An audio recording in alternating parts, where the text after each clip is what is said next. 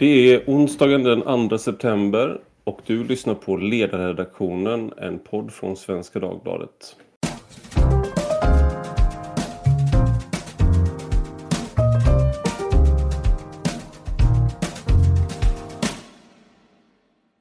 Jag heter Ivar Arpi och idag ska vi prata om otrygghet.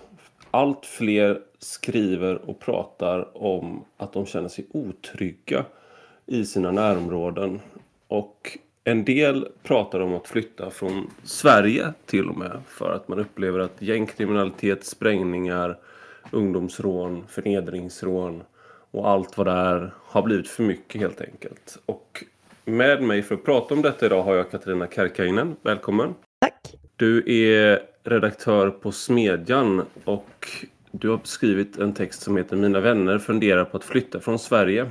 Och det ska jag fråga dig om. Men först ska jag presentera Lars-Anders Johansson också som är tidigare redaktör på Smedjan. Tidigare chefredaktör till och med. Till och med chefredaktör. Men numera så är du samhällspolitisk expert på Villaägarna. Välkommen du också. Tack så hemskt mycket. Om vi börjar med dig då Katarina. Du skrev i, eh, för ett par dagar sedan Mina vänner funderar på att flytta från Sverige. Och varför gör de det? Ja, men av flera skäl.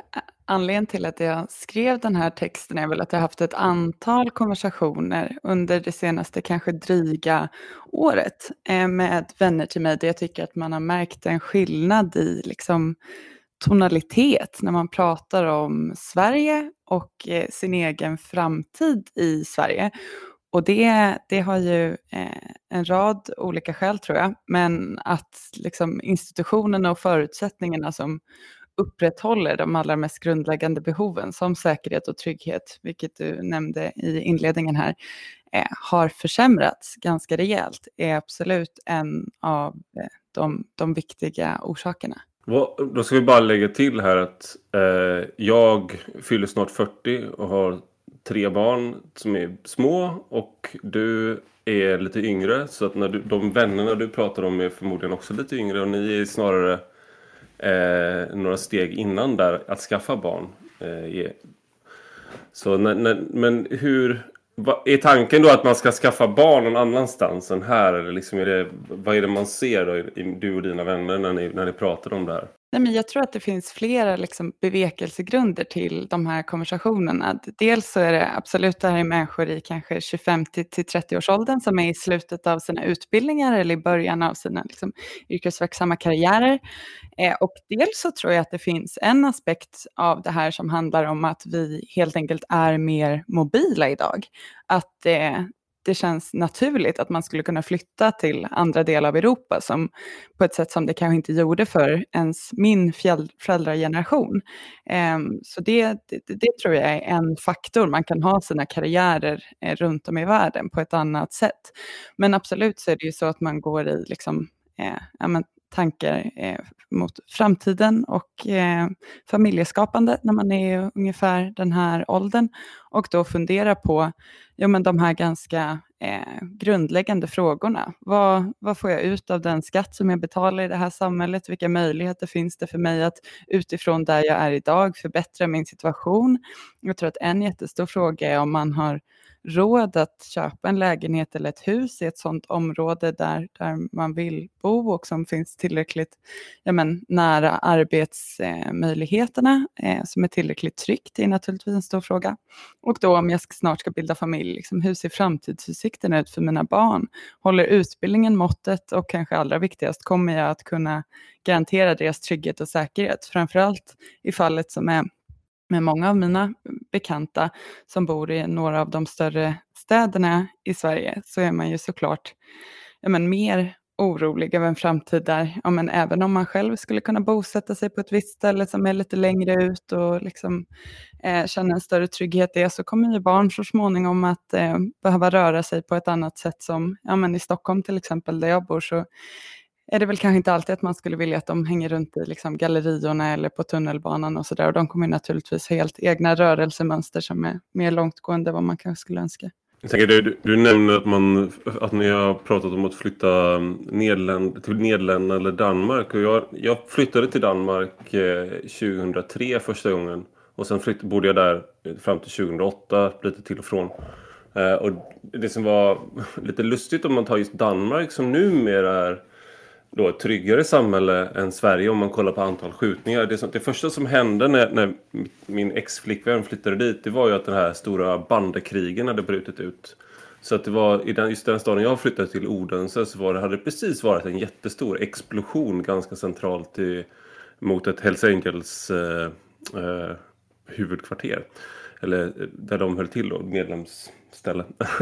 och, så, och på den tiden så var det nästan tvärtom då att man tyckte att Danmark var farligare än, än Sverige och att man hade mycket problem. Men idag har de ju lyckats vända trenden då. De la ju fram den här bandepacken som den kallas. Eh, där de har en, en lång rad åtgärder med brett stöd från 00-talet och framåt. Så de har lyckats trycka tillbaka den här utvecklingen. Men tänk, en annan sak som du tar upp som jag tänkte skulle passa över till Lars-Anders också. Det är det här med att eh, som eh, har, har, kommit, de kommer med en årlig undersökning med statistik om Sverige. Eh, och de har ju kommit med årets som heter regntunga skyar. Eh, och där skriver du då, citerar du att av Sveriges befolkning anser 61% att utvecklingen i landet går åt fel håll. Och jag tänkte Lars-Anders, ni på Villaägarna har ju också gjort en trygghetsundersökning och jag undrar hur ser när ni har undersökt då i den här hur, hur människor upplever sin egen trygghet, går den i linje med SOM-undersökningen? Och hur ser det ut i den som ni gjorde som kom i juni? Eh, den kom i juni, själva enkäten genomfördes i mars. Så man kan väl tänka sig att den händelseutveckling som har skett nu under våren inte då eh, hade på något sätt hunnit sätta avtryck i det här. Men det var ja, drygt eh, 15 000, nästan 16 000 personer som svarade på den här enkäten. Så det är ett ganska stort underlag. Och det är alltså småhusägare i hela Sverige som har svarat. Och en tredjedel av dessa upplever att deras närområde blivit otryggare bara det senaste året. Och I Stockholms län då så upplever 40 procent av småhusägarna att deras närområde blivit otryggare det senaste året. Det är ju ganska anmärkningsvärda siffror om man tänker på att det ska vara bara på det senaste året. Hela 68 procent, nästan då 7 av 10, upplever att otryggheten i samhället i stort har ökat. Så man får väl anta då att de här småhusområdena upplevs som lite tryggare än samhället gör i allmänhet. Du skrev också för ett par år sedan när du var mm, på Smedjan att eh, grindsamhällen är bara början, hette din krönika. Eh, och nu, nu har man ju kort minne, eh, för nu uh, är det ju det som har dominerat den senaste tiden kanske är snarare den här vad ska man kalla det, förnedringsvåldtäkts, tortyrs, eh, skenbegravningsrånet eh, som hände, hände i Solna. Det här helt makabra dådet som eh, väldigt svårt att liksom ens förstå vad det är som har hänt för att det är så fasansfullt. Men när du skrev då, eh, den 22 november 2018, då var det en 16-årig pojke som hade blivit eh, kidnappad och misshandlad tills föräldrarna betalade en lösensumma. Och jag hade bara insåg det att jag hade glömt av att det hade hänt. Eh, det har blivit någon slags... Eh, de här händelserna avlöser varandra. Ja, och det vi har kunnat se på senare år som avspeglas i både vår undersökning och de här andra som har hänvisats till, det är ju att tidigare så var ju otryggheten eller den här brutalaste kriminaliteten ofta koncentrerad till så kallade utanförskapsområden eller utsatta områden som det kallas. Men på senare år så har det i allt högre utsträckning spilt över då till sådana områden som tidigare uppfattades som trygga. Och vi har ju sett den här typen av kriminalitet som rent av riktar sig specifikt då mot den typen av områden. Till exempel då har man ju både i Hägersten söder om Stockholm och i Nacka öster om Stockholm eh, haft problem då med tillresta gäng som har Eh, Eh, överfallit och rånat barn och ungdomar på kläder och mobiltelefoner och liknande saker.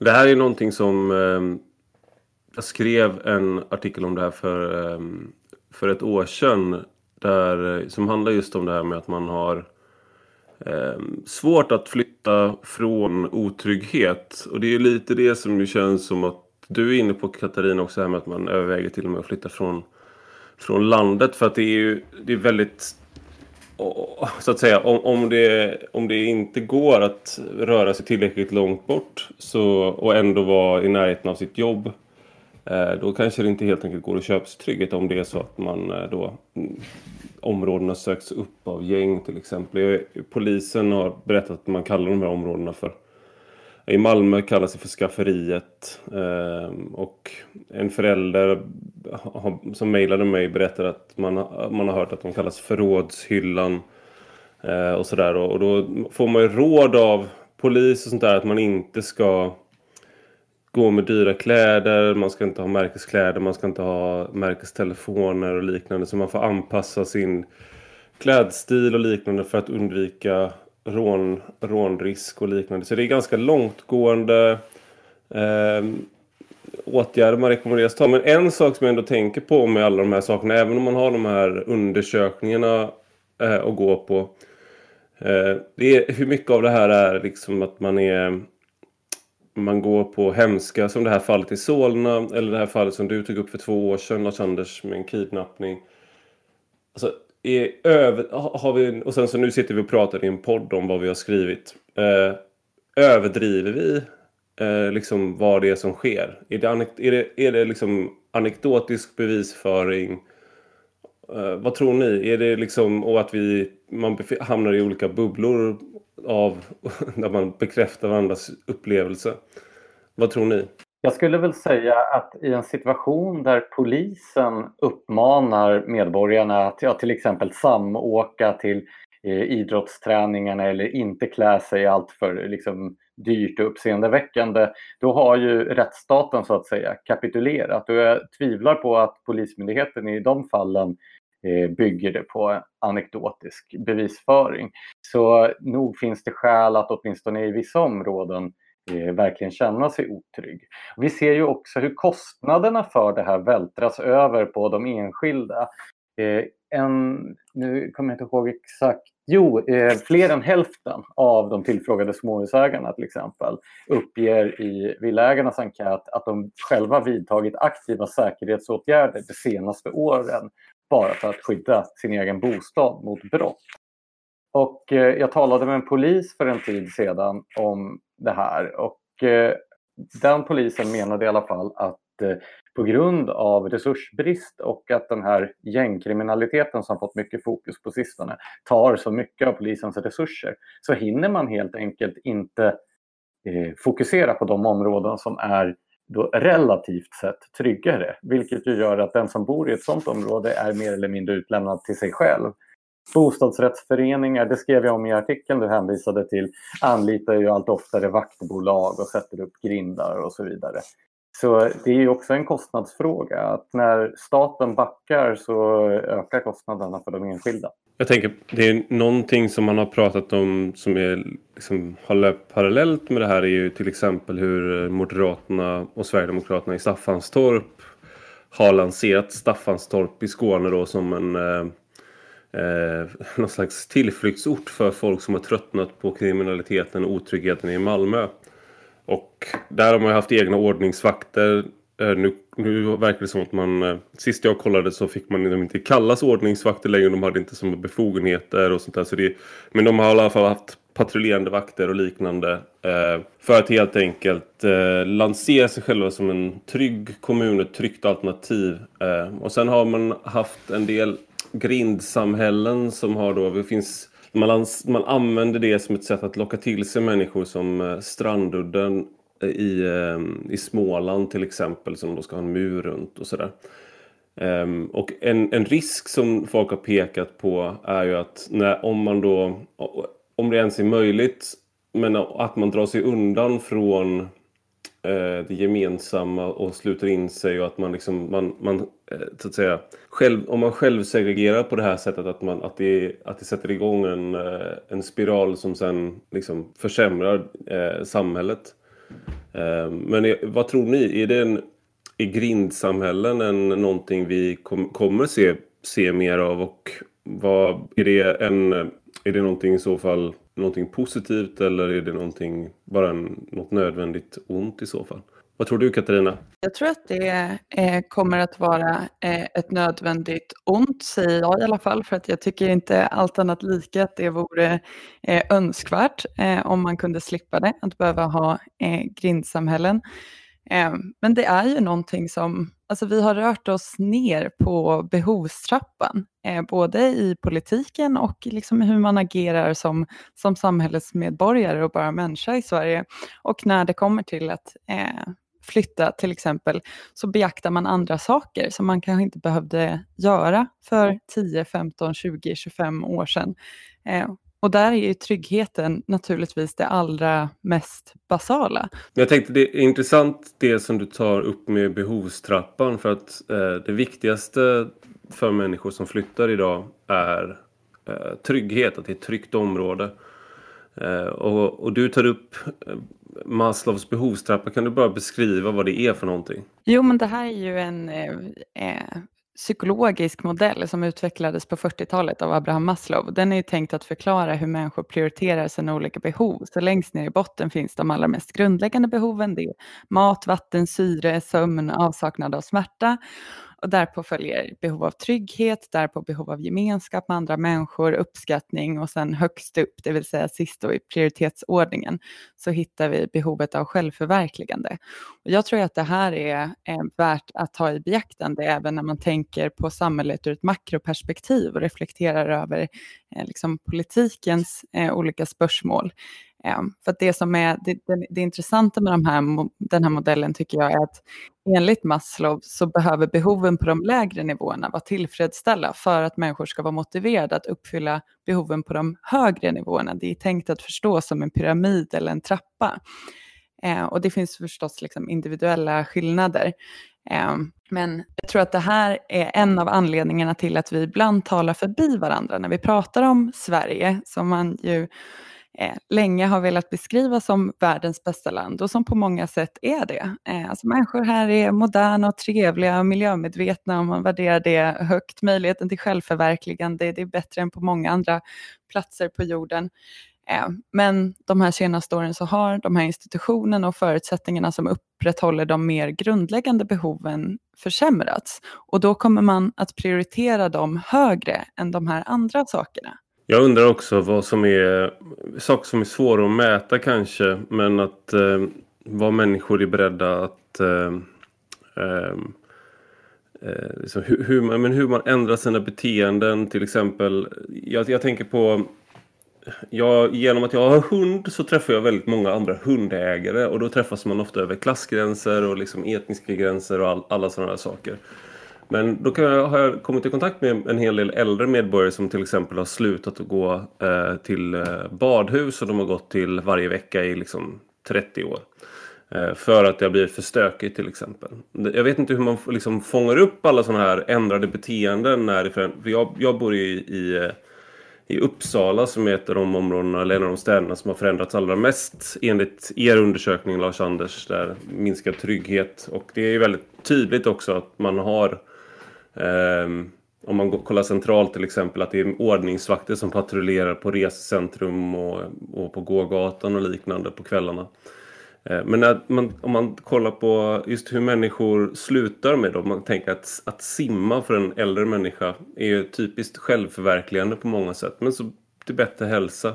Men du slutar med den sortens beteenden. Eller du slutar med att gå ut med, med hunden sent på kvällen och liknande. Ehm, det där är ju, det får ju väldiga konsekvenser. Ehm, sen undrar jag, så, så tänker jag också, jag undrar hur man har um, um, vad man är beredd att betala för att, uh, liksom, för att slippa problem. Jag, jag, tänker ju, nu har vi snart ett fjärde barn på väg och vi måste flytta väldigt snart, vi bor alldeles för litet. Och då tänker man, nu kollar man ju inte efter roliga områden och trevliga områden, man kollar ju bara efter, vi kollar ju bara efter så här, finns det skola? Och sen är det så här, det här är ett väldigt tråkigt område. Ja, vad bra. så att man har ju liksom den här självförverkligandet, är verkligen precis som du säger, har ju försvinner till stor del. Eh, nej, men först då det här med att ändra sitt beteende.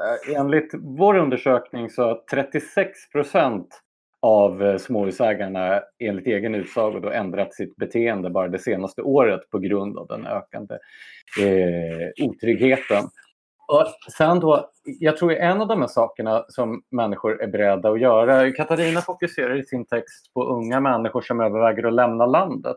Men det många gör är ju också att de lämnar sina städer för att de känns otrygga och är beredda att pendla ganska långa avstånd just för att deras barn ska få en chans att växa upp på ett ställe ja, men där de kan gå till och från skolan utan att föräldrarna följer dem och så vidare. Eh, och det här kan ju innebära då att föräldrar pendlar kanske eh, ja, men en eller två timmar varje riktning till jobbet för att eh, eh barnen ska kunna växa upp i en trygg miljö. Och då kan man fråga sig vad leder det då till eh, för livskvalitet i övrigt? Hur mycket fritid får de här föräldrarna tillsammans med sina barn? Vad innebär det för produktiviteten i samhället om människor i yrkesverksam ålder måste ägna så lång tid åt att pendla?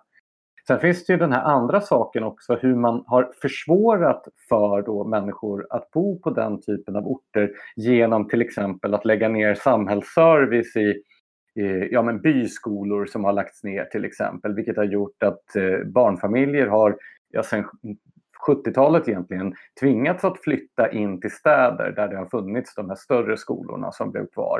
Och så vidare. Så det är ju en mindre grupp som har möjlighet faktiskt att bo på den typen av eh, små och eh, relativt sett trygga samhällen som, som finns kvar. Men eh, eh man undrar hur mycket man skulle kunna alltså, organisera själva också. Att man, om man bestämmer sig för en gemensam exodus, liksom, då blir det ju som någon slags eh, individualistiska kibbutzer eh, som ska flytta ut på landet.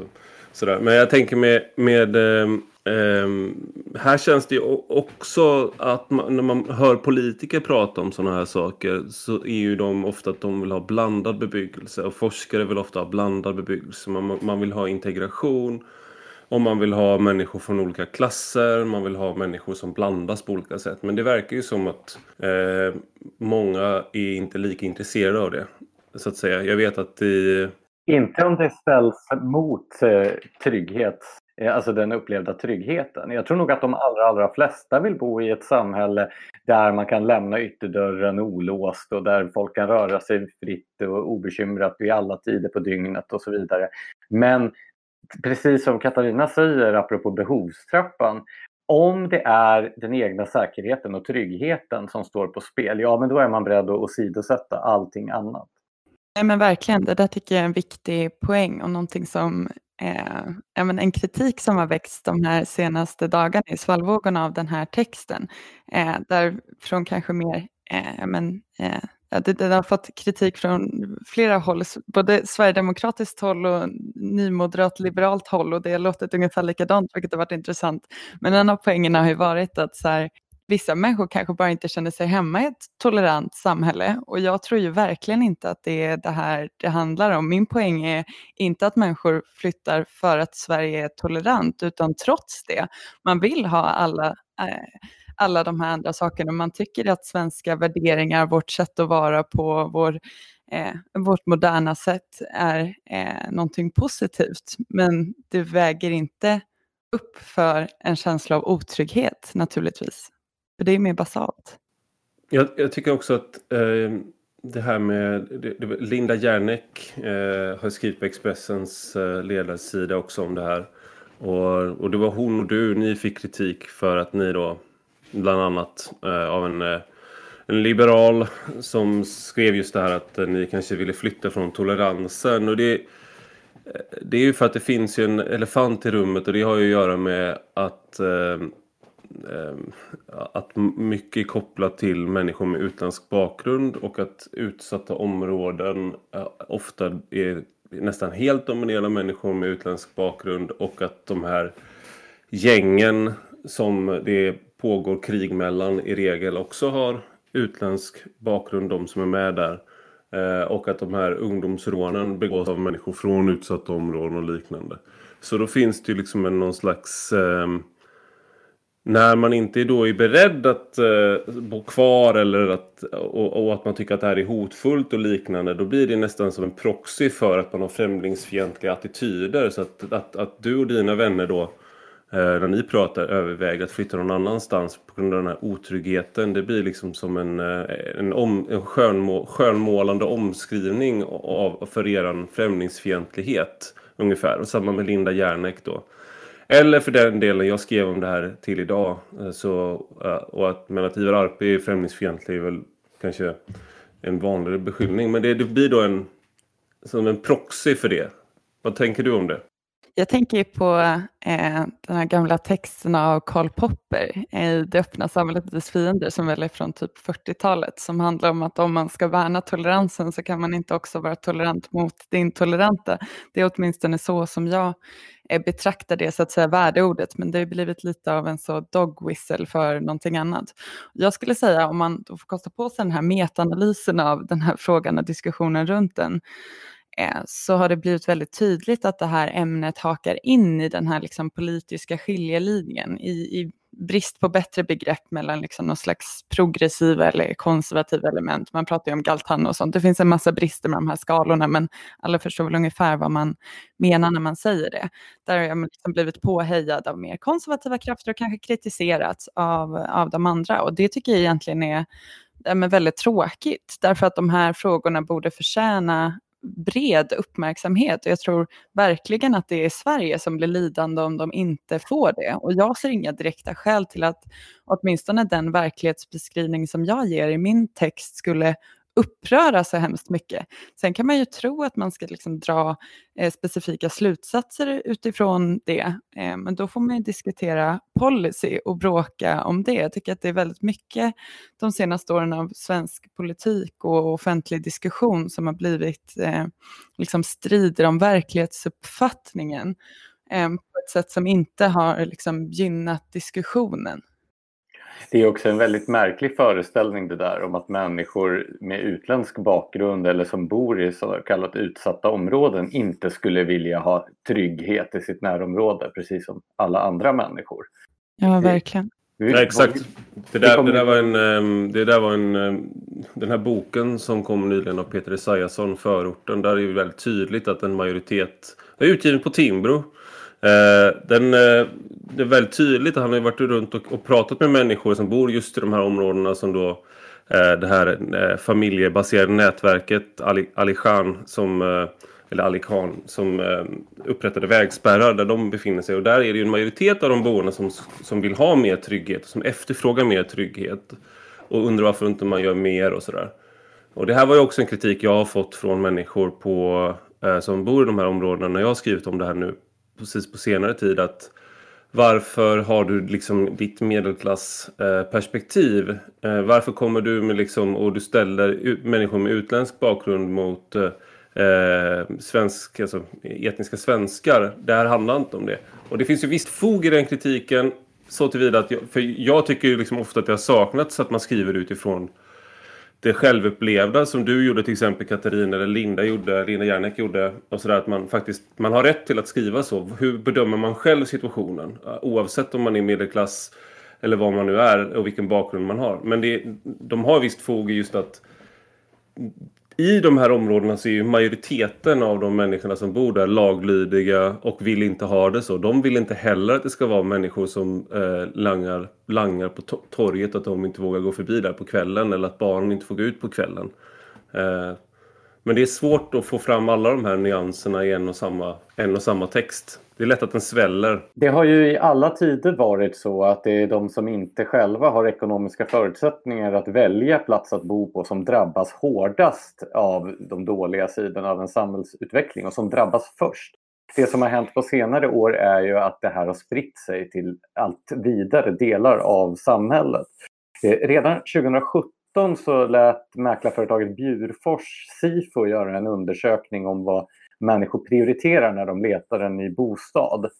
Och då visar det sig att eh, i Malmö och Göteborg var då redan 2017 frågan om ett tryggt närområde den enskilt viktigaste faktorn när man letade efter en ny bostad. I Stockholm var det den näst viktigaste men jag skulle gissa att det, att det har hunnit eh, ändras till nu. Då.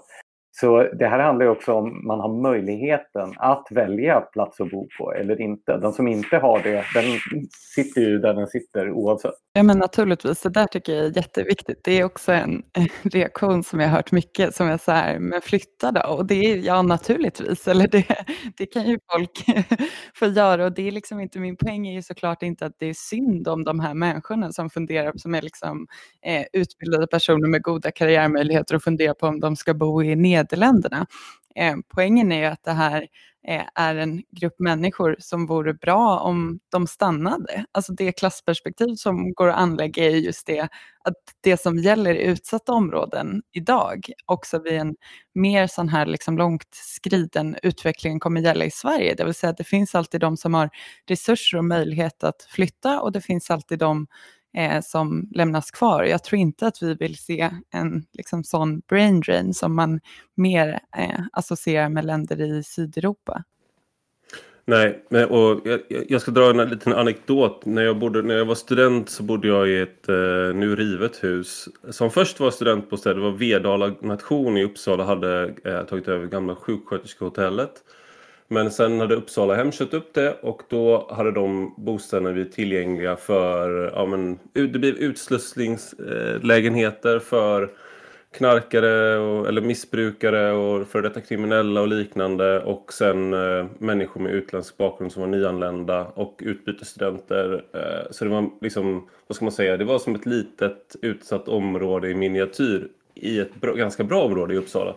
Och sen bodde jag där också. Eh, och det var väldigt mycket problem med stölder i den gemensamma kylen och då var vi några som då eh, köpte en egen kyl att ha på rummet. Och det här tyckte jag var liksom som i miniatyr så blev det plötsligt så att alla vi som hade en egen kyl på rummet slutade bry oss om den gemensamma ytan och de gemensamma och stölderna.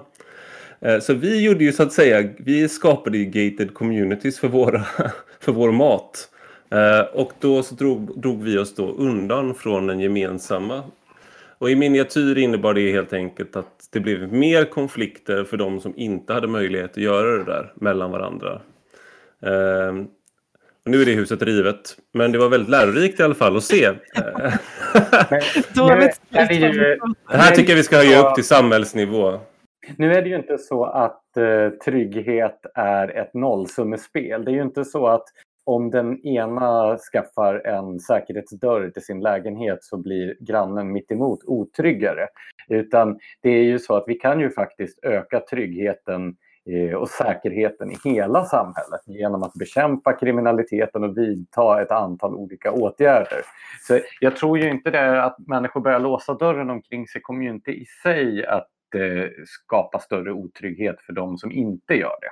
Nej, och med de orden så tror jag att vi får dra ett streck eh, för idag. Stort tack för att ni var med Lars-Anders Johansson och Katarina Kärkäinen. Tack så mycket. Och stort tack till dig som har lyssnat. Och har du några synpunkter eller frågor så kan du alltid mejla på ledarsidan snabel svd.se.